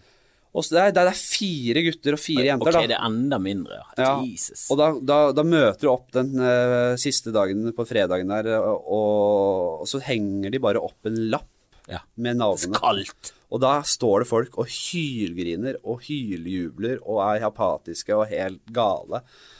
Og det Jeg gjorde det to år på rad, så året etter, da følte jeg meg, da var jeg, da følte jeg meg bedre enn noen gang. Da, var jeg, da hadde jeg på en måte gått en skole og lært meg Da, da følte jeg jeg var ganske god, altså. Og så kom jeg ikke videre i det hele tatt. Nei, men jeg syns jo eh, også teaterskolen er veldig sånn Det er litt tilfeldigheter der. Ja. Eh, Litt hvem som sitter der juryen. Jeg tror det mye handler om at, sånn, at du kommer der, og da sitter de og spiser eh, Har, har den ene som kanskje kunne likt det, sitter og spiser litt på en Sitter litt og nibler på en sandwich, og så sitter det to som ikke er helt Som ikke liker det, og så sitter det en som nettopp har blitt funnet ut at sønnen har blitt syk, og jeg har tanken et helt annet sted, og så kommer du, og så bare sånn Ja, bare fuck. Og så står du der og spiller inn i et vakuum av likegyldighet, og så bare ja, Har de glemt det før du har gått ut av rommet? Jeg tror også de har føringer på hva Og så er de sånn slags- Nå må vi skjerpe oss! Kom igjen! Nå, Ja, ja, etter- kom igjen. Okay, nå, nå, må vi, nå må vi se! Nå så husker de fem siste. Jeg jeg glemte det. Og det er liksom store talenter bare gått igjen. For jeg, jeg merket det at jeg La oss videre. yte disse ungene litt mer rettferdighet enn han siste der. Henrik, var det det han het? Fordi det her, det jeg husker noe hva han sa? Var det Johan Henry? Ja, et eller annet generisk norsk navn. Jeg husker ikke han. Han var hvit, det var alt. Han var høy hvit, jeg vet ikke. Jeg tror jeg har sett han før. Det var liksom hun som hadde kjempet for at du skulle gå videre til tredjeprøven i fjor. Helt glemt det. De, de ser jo veldig mange, da. Og jeg bare merket at når jeg gikk videre, så var det flere som var mye bedre enn meg som ikke gikk videre. Så tenkte jeg sånn «Å, det, har ikke, det er ikke sånn 100 vanntett hvem som går videre og hvem som går inn. absolutt ikke. Eh, Men jeg, jeg tror de treffer ganske bra på de Det er ikke dårlig de som ender opp der, da de fire som, guttene som ender opp der. Men du ser jo også på utseendet at det er ganske mange pene, hvite mennesker som går på den skolen. De har Nei, det har endret seg, altså. Ja, har men når jeg gikk der, så så du liksom på jentene og guttene, og det var Jeg, jeg tror det var overveldende flertall av eh, blonde, pene folk. forhold til hvor mange som egentlig er blond og pen i Norge, Mm. så var det sånn Jesus, det var De går litt etter utseendet her. Det, det tror jeg de har blitt mye flinkere på. Ja, veldig. Og du Og er ser, jo, mye flere og du ser jo man bærer fruktene av det i dag, for nå, har jo, nå lages det mye mer eh, både serier og filmer med på en måte som tar opp eh, eh, problemene og utfordringene med å liksom være eh, flerkulturell. Ja, Jonis Josef Goebbels. du har den 18 og 17 og 18 de seriene på Ja, men der leste jeg en greie Ja, jeg fra også. eh, han, Og han har prøvd standup. Shah, Amir Shahin. Ja. Eh, han gjorde det ganske så dårlig, husker jeg. Han gjorde standup en stund. Men han var tydeligvis en sånn fyr som hadde, han har lyst til å gjøre noe. Han har lyst til å bli noe, han har lyst til å gjøre et eller annet. Så, så han er med på noe sånn sammen med han Trond Kvernstrøm som driver det Oslo Company. Ja, ja. Så han har laget et eller annet greie til Netflix. Hjem til jul, ja. Jeg spilte den. Oi, oi, oi. Nei, bare en liten Ja, ja. Jeg spilte Escape Room-vert. Det ble litt gøy, tror jeg. jeg. litt sånn artig Per, da. Ja, jeg har jo vært en del på Escape Room, for jeg er jævla fan av det. Du er det, ja? Ja, jeg- jeg er lot escape- deg ikke skremme når det er polske escape room? Nei, det har aldri vært i Polen, men eh, jeg har vært i Amsterdam et par år på rad med gutta boys. Noen kompiser av meg. Så helt edru gikk der inn i escape room? Absolutt ikke. Balle fjerne. Er, og jeg, jeg takler ganske, i likhet med deg selv, så takler jeg ganske dårlig å bli fjern. I hvert fall på uh, weed er den nye cracken, som jeg sier. Du tar ett hit, og så Hjelp! Og så, det er jo kjempegøy! ja da. Men det er sånn da, I fjor så var vi eh, i et sånn derre ett rom, og det var eh, Vi skulle komme oss ut. Det var ikke så mye greier. Ingen skuespillere vi møtte på. Men nå var det eh, Nå var det mer trøkk i år, da. Så da var det først møte opp på dette parkeringshuset til den og den tiden. Vent ytterligere eh, instrukser.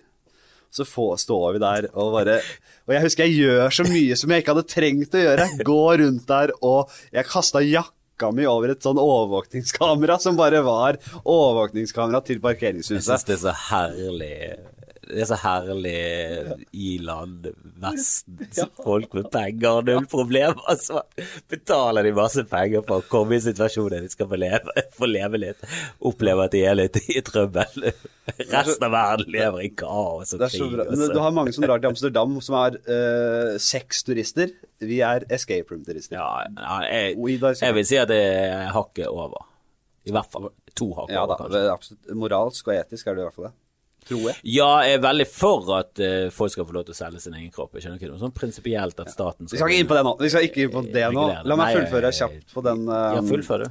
Beklager. Jeg legger meg Eh, flatt. Så er det en, en, eh, en bil uh, så vi, Eller vi får gå opp eh, til toppen av parkeringshuset. Der vil dere se en bil. Å ja, det gjør vi.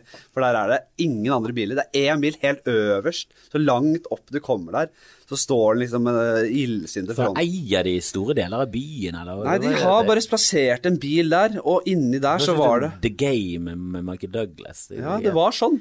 Og vi var så fjerne. Det var kjempespennende. Kjempespennende. Og jeg igjen gjorde masse jeg ikke tenkte å gjøre. Jeg liksom, jeg gikk sånn krokrøyd og så opp og speidet rundt, og det Hva var var det du skulle? Skulle du løse saken, eller? Jeg bare ser i ettertid hvor dumt det var. Hvor, hvor, hvor, hvor, ja, jeg, hvor mye jeg tenkte de hadde rigga i stand. Fordi det var liksom bare Det var ingen i nærheten av den bilen. Det var, det, det var bare den bilen der. Og så var det en sånn walkietalkie inn i bilen. Satt vi inn der. Kult.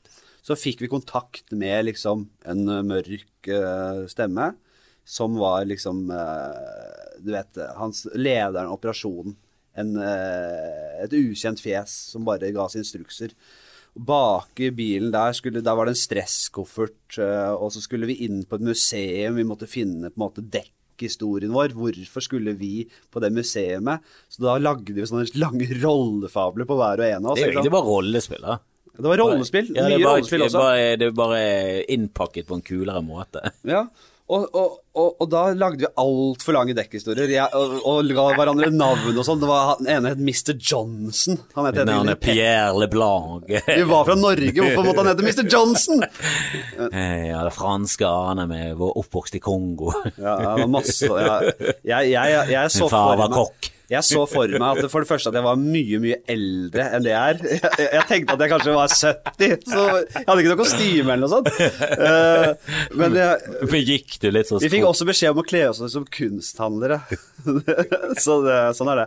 Og så Så vage greier. Kle deg ut som en kunsthandler. Det de har ikke noe kleskode. De ser jo veldig forskjellige ut. Når dekkoperasjonen var klar, så måtte vi inn, gå, et annet sted, eh, gå et, til et annet sted byen, i sånn gammelt bygg med en sånn svær tredør, og så banker på der, og der måtte vi ljuge og være i rolle alle sammen. Og vi var jo veldig rusa. Uh, fjerne som faen. Alle Dere trodde all at livet avhengig ble, var avhengig av den prestasjonen. Der måtte prestere. Ja, vi følte Måtte kunne dekke opp dekknavn og alt. Men da kommer hun, en dame ut, og hun virker helt liksom normal, som om hun jobber der. Så vi blir litt sånn usikre på er det, Skal vi spille nå, eller skal vi Og så begynner han ene. Går han fram, han har stresskofferten, fram med hånda. Mr. Johnson. Og da begynner jeg Altså, da, der knekker jeg. Da må jeg hive meg rundt veggen, så, da, så jeg ikke er i hennes synsvidde. Og bare står der og Og for å holde øh, igjen, da. Men så hun kjøper det at vi er fra The Norwegian Museum of Art, uh, og at han er Mr. Johnson og all, bare det tullet. Så er det videre inn i en sånn sluse der det er sånn Da må vi legge fra oss mobil og sånn, men det er fortsatt i karakter. Uh, og jeg må legge fra vannflaske og alt. Og så må vi argumentere for at vi skal få ha med stresskofferten inn. Fordi det er en del av oppgaven. At vi må få lurt med oss den inn. Og da er det sånn Ja, vi har hemmelige dokumenter der, og hun kjøper dette her. Uh, uh, og vi er egentlig klare til å gå, men så tenk, for jeg, jeg er så tørr i kjeften, vet du. så, så jeg vil ikke legge fra meg vannflaska mi, så da har jeg en tanke om hvordan jeg skal få med den inn. Og det er å si at jeg har hjertemedisin i den kofferten. Så uh, hvis jeg trenger å ta den, så er jeg nødt til å ha noe vann på mens vi er i museet. Så jeg klarer, det eneste jeg rekker å si, er 'my heart medicine'. Og da knekker han ene, og de andre også, for så vidt. Så inn i helvete sammen, og Bare Og hun dama som jobber der, begynner å le. Og da, da kan vi ikke fortsette den sekvensen, så da må alle gå videre uten at vi ser på hverandre. Da går vi bare Da tar vi neste stasjon. Og det var Jeg kjenner til engelsken din nå. Den er ikke så Nei, det, var så bra, det. Å, herregud. Nei, så sånn, ball, sånn gikk det. Det var vi løste oppgaver inni der. Det var jævlig rått. Helt rått. Ja, jeg har aldri gjort det. Jeg, jeg, jeg tror de har noen sånne greier i Bergen nå, men jeg, jeg føler at eh, Jeg har vært. Ja. Jeg har vært i Norge, ikke Nei, jeg føler at hvis du først skal gjøre det, så gjør det skikkelig. Ja, ja. Hvis, hvis Amsterdam er liksom anbefalt, så heller, heller spare opp og gjøre det skikkelig. Sånn er det i livet nå. at Jeg vil heller gjøre ting få ganger og bra, enn å gjøre det hele tiden og dårlig. Ja. I, Altså, og, altså Hvis jeg først skal gjøre dette Hvis jeg skal for eksempel Hvis jeg skal på en deilig ferie, så vil jeg heller reise til et sånn skikkelig feriemål og ha det deilig enn å reise til Gran Canaria. Liksom, ja, og være sånn Ja, det var masse sol, og så var det en del betong, og det var ikke noe fint der, men altså bare det, da. Det er bare sånn Nei, det, da vil jeg heller spare opp. Gjøre det skikkelig. For noen digresjoner vi eh, hiver oss ut i her. Ja, men så eh, kom du ikke inn på teaterskolen. Hun vil jo egentlig komme til at du eh, debuterer som standup-komiker. Ja, det var Jeg kom ikke inn, eh, og da, da var jeg rådvill. Da hadde jeg For faen, man, man skal gå gjennom noen seige perioder i livet. Selv om den, de seige periodene jeg har gått gjennom, ikke kan måle seg med Nei, ikke- andre seige Det er ikke barnesoldat og Nei, kutt det er jo foreldre. sånn. patetiske seige perioder. Men du gikk der og gråt i Oslos gater, og så kom det en sånn pamflett blåsende som traff det fjeset, og så dro du han vekk. Og der sto Johnny K. Og Nei, var det det med var- på kurs. Det var uh, Kan det var ikke du si at det var det? Det var lyg. Ja, nei, det, jeg kan ikke ljuge, gutt. Jeg ljuger aldri. Jeg, jeg driver ikke med piss, annet enn på scenen. Nå er jeg ikke på scenen. Ok, hvordan kom du det? For du gikk sånn RDK-kurs. Jeg eh, gikk det Reis deg komikerklubb. standup-kurset ja, som jeg ser dere har begynt med her i Bergen også. eh, der man eh, veileder unge mennesker, eller gamle mennesker. Mange som er eldre som begynner med det også. Ja, de, Til å bli standup-komikere, og så får man litt scenetid eh, så på slutten av kurset. Og det, så jeg gjorde det kurset. Fikk den eh, debuten min på Josefines eh, vertshus i Oslo. Hadde masse venner i salen, det hjelper jo veldig på. Men jeg brukte en del tid på materialet der, og det var sånn veldig revyinspirert. da. Det var veldig sketsjete. Jeg hadde veldig, på, Før, da jeg begynte på standup, hadde jeg veldig sketsjete greier. Det var spilt ut blåveispolitiet, hvis det er ikke lov å plukke blåveis. Ja, men jeg føler at den er Ja, eh, Ja, en blanding, altså. Ja, Det er, det er mer men jeg syns nå det er helt innenfor det standupen er. Ja Og det er bare det at du er flink å spille ut situasjoner. Jeg har aldri drevet med parodi. Okay, sånn at du kom på en parykk og var Nei, eh, Glenn Eiganes kunsthandler på 72, og så hadde du en monolog. Det var jo aldri i det sjiktet der. Det var jo alltid standup. Ja da, jeg har alltid gjort uh, standup, men det har vært uh, Jeg har vel alltid fått Folk har bemerket at det, det kanskje ikke At det er annerledes. Det, er, eh, det er noe for seg selv. Så det er Jo da, du er definitivt eh, original. Mm. Eh, og det er jo veldig gøy. Det er jo sånn Av og til så er det sånn ja, konferansieren skal gå igjennom en sånn sjekkliste om folk snakker om det samme. Da tenker jeg ofte sånn Nei, jeg tror ikke, jeg tror ikke denne ansamlingen av mennesker Når det sitter sånn Rasmus Wold, eh, du, meg og Grim så sånn, Jeg tror ikke vi snakker om det. Jeg tror, det, jeg tror vi trykker kan si at vi er vårt eget univers. Og hvis vi snakker om det samme, så har vi en ny vri på det. Ja, og da er det bare å si eh, Grim var inne på flaggermus. Eh, så det var noe helt annet, selvfølgelig. Nei, men eh, Jeg syns også det er rart med komikere som har det samme vrien på en vits eller noe sånt, og så ser de en komiker før seg, og så får de fullstendig panikk. Det er bare sånn Ja, men ta nå bare ikke den, og så tar du en, en ny en. Det er noen som er sånn veldig rigide på sånn Ja, men har allerede timet ut tolv minutter, og jeg må si dette i denne rekkefølgen her. Bare. sånn. Har du ingen slingringsmonn i det hele tatt? Ja. Jesus Christ. Hiv ned en veisen, da. Dra frem klassiske veisvitsen. det er liksom bare Altså din, altså. Ja, ja. ja. Hva, hva sa du nå? Men hiver nå en veis Ja, det var bare et eksempel på en vits du kunne ta istedenfor, da. Ja, Men ja, eh, du men jeg skjønner det kommer med åra, at du klarer å du har, en, du har gjerne en liste med litt forskjellige ting du kan snakke om, og så rekker du kanskje ikke gjennom den lista. Du, du dropper noe her og der, og så, du, og så skjer det noe i salen, og det har du en vits på som du ikke hadde planlagt, så, så gjør du den i stedet. Så. Det er jo det er den derre tryggheten ved å stå på en scene, eh, og det er den du får med åra, da. Du får en stabilitet. Du, en, du, du, du har ikke noe problemer med at én vits går dårlig. Du kommer deg lett tilbake igjen på øh, opp på hesten her igjen. Så det, det er det som kommer med åra, føler jeg. Det er den tryggheten. Ja, men vil la oss eh, dvele litt med eh, at ting går dårlig, for det er jo alltid det som er gøyest. De tingene som går bra, er møkkahistorier. De tingene som går dårlig, herregud så mye gøy det kan være der. Og øh, har du noen sånn helgigs du gjorde, ja gjerne også nå i senere tid, men i- starten her, da du sa ja til det meste? Ja, masse. Eh, Og Angrer du på at du har gjort det, eller syns du det liksom, Nei, har bygget deg? Selvfølgelig ikke. Jeg, man lærer jo ikke så mye av de beste jobbene. Hva lærer man av det? Annet enn å dyrke og vokse et ego. Jeg uh, har gjort uh, Det er mest knyttet til firmajobber.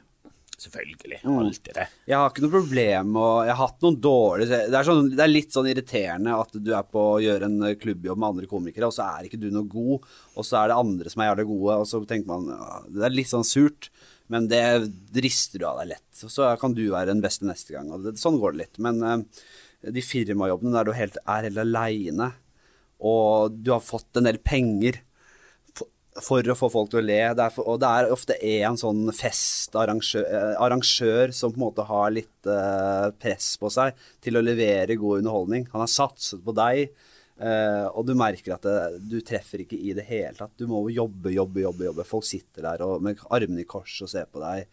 Uh, det, det, det gjør vondt, altså. Og etterpå, når du skal snakke med han som har booka deg, kanskje, og han ikke vil Han vil nesten ikke se på deg. det er hardt, altså. Ja. Eh, jeg har hatt noen ganger eh, der jeg har gjort eh, standup på båt. Ja, Og når du ikke får det til på båt Altså sånn Kiel-ferga, liksom? Nei, mer sånn ut i fjorden, showboat i en bar på båten. Du står kanskje oppe på dekk. Ja. Eh, jeg husker en gang meg og Grim sto oppe på dekk, og så tror egentlig folk var liksom klar for å le. De ville le, men så var det veldig mye bråk. Ja. Så de bakerste fikk ikke med seg hva vi sa. Så spredte eh, likegyldigheten og praten seg, da. Altså Da var det mer sånn Nei, men det er gøyere å, å snakke med, med Anders enn å så vidt høre litt av hva de der to sier. Ja. Og så bare begynte de å prate bak, og så spredde det seg. Til slutt så var det kanskje bare de to første benkene som fulgte med. Ja. Resten var pratet og hadde det gøy, og mange hadde gått. Og så bare bom, bom, bom, bom, bom var i bakgrunnen hele tiden, mens vi sylte og skrek oppå der igjen i et dårlig P-anlegg. Eh, og da er det sånn Det var ikke sånn at vi lå til kais, vi var midtfjords. Ja, det var en så- snekke, eller siden du sier bom, bom, bom? Nei, det var en sånn gammel ferge. Det var sånn gamle ferge som kanskje tok fire biler. Og så var eh, åtte Altså litt sånn som de her fergene som går ut i, i, til de små øyene i Oslo. Ja, ok. Ja, Det det er sånne ganske små båter, da. Eh, ikke sånn svære, ikke Nei, jeg skjønner, jeg skjønner, ja. Små greier. Ja, ja. Ganske ille. Eh. Men når, du bomber på en båt, så har du Da var det heldigvis med Grim, jeg har gjort det alene òg. Der du bare har en eller annen eh, Kanskje en kahytt, eller du sitter nede. ja, du har det, ja, for det er bra. Eh, ja, du har et sted å gjemme det, Ja. men så kommer jo folk inn og spør deg om ting, og du ser liksom de er så vidt de orker, så er det høyde, og du sitter der bare sånn Du sitter i den kahytten til båten er lagt i kai, og så setter du døra på gløtt og bare Har alle gått av båten nå, eller? ja. Det er bare å komme. Jeg, jeg prøver alltid bare å komme fortest mulig av. Eh, på. Jeg føler at med en gang du bare Hvis du gjør eksempel showet i en hettegenser eller en blazer eller et eller annet sånt, og så bare tar du på deg jakke og lue og headset Det er bra hvis du er litt for hissig på grøten for å komme deg av, og så tryner du nedi Ligger du nedi i vannet der. og så ler alle av det. Da ler de. Da ler de. Se på klovn. Ja. Nei, uff, de der firmaene. Men, men de siste så har jeg bare hatt eh, ganske gøye firmajobber. Ja. Så eh, jeg føler jeg trenger meg skikkelig sånn skikkelig atombombing for å komme Jeg begynner å merke at jeg eh, mista mot, eh, fotfestet. Men du har jo eh, ja, eh, tro på meg selv. Du har jo Du er jo Du er, jo du er, ikke, du er, ikke, du er ikke Jeg sier ikke at du er uh, lite original og, og, og for trygg, men du har en veldig sånn stabil, god uh, humor som folk flest skjønner. Det er veldig klare premisser.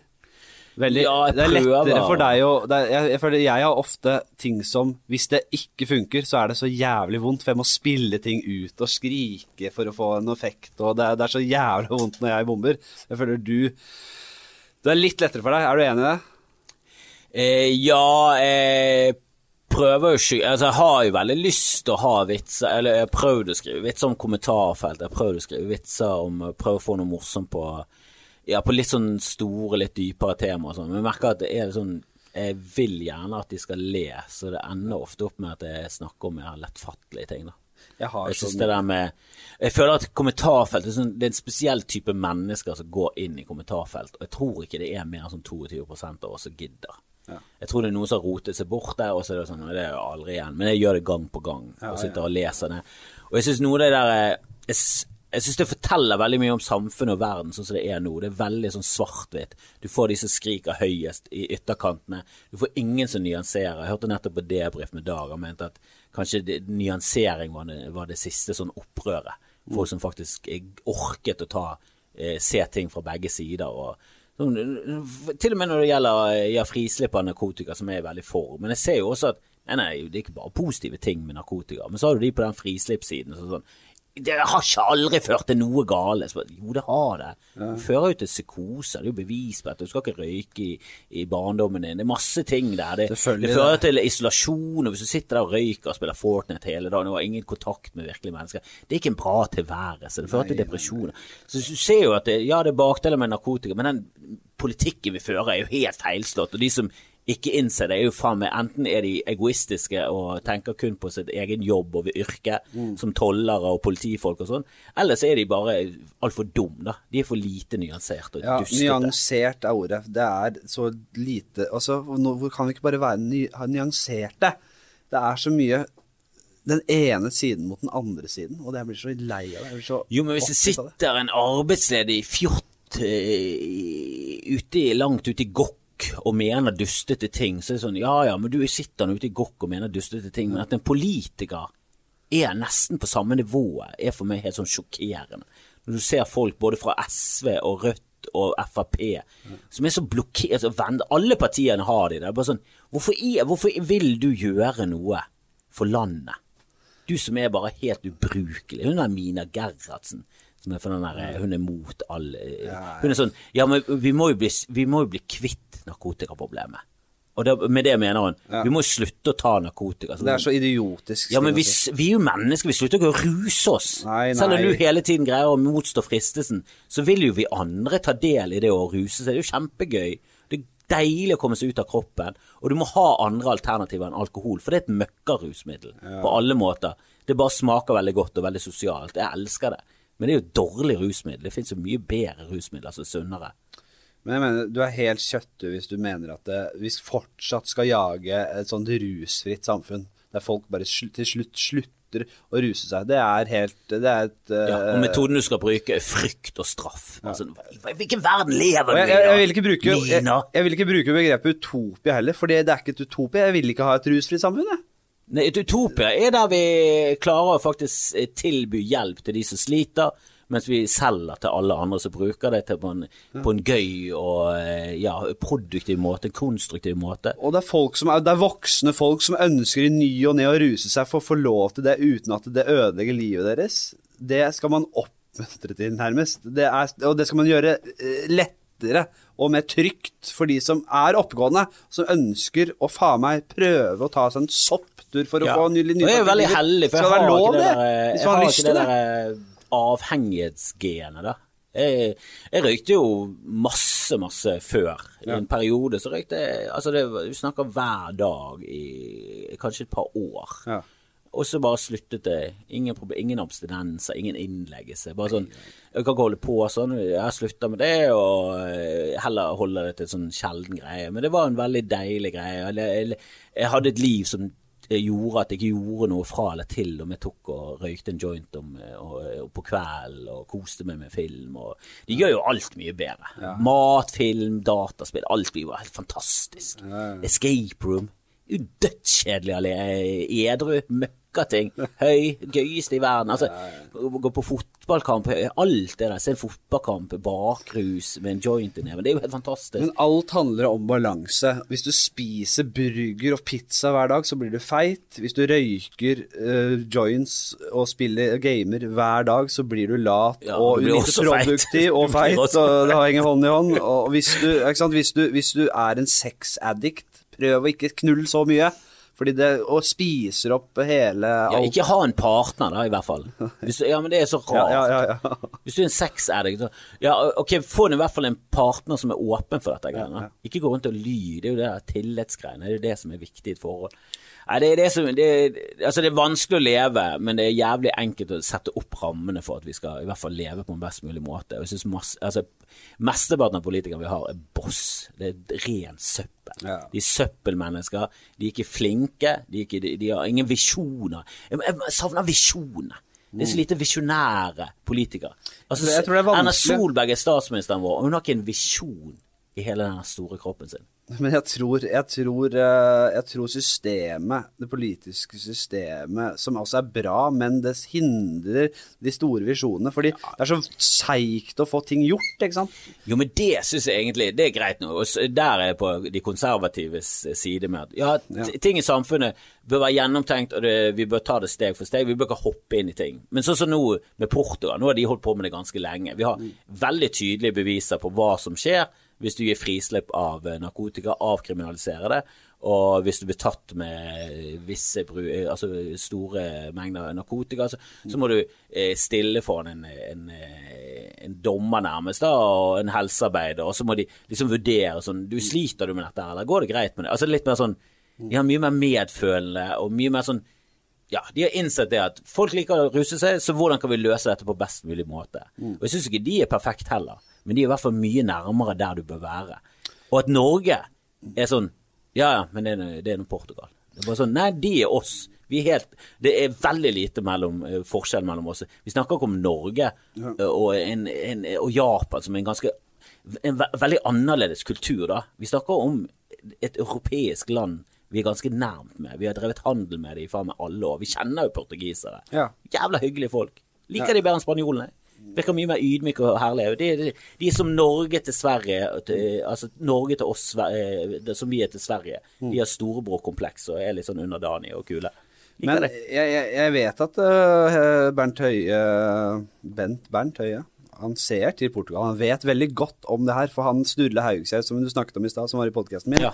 han er jo Og alle de folka som driver ruspolitikken fremover i dag, de, de, de fòrer han med sånn type informasjon. Han er veldig klar over disse tingene.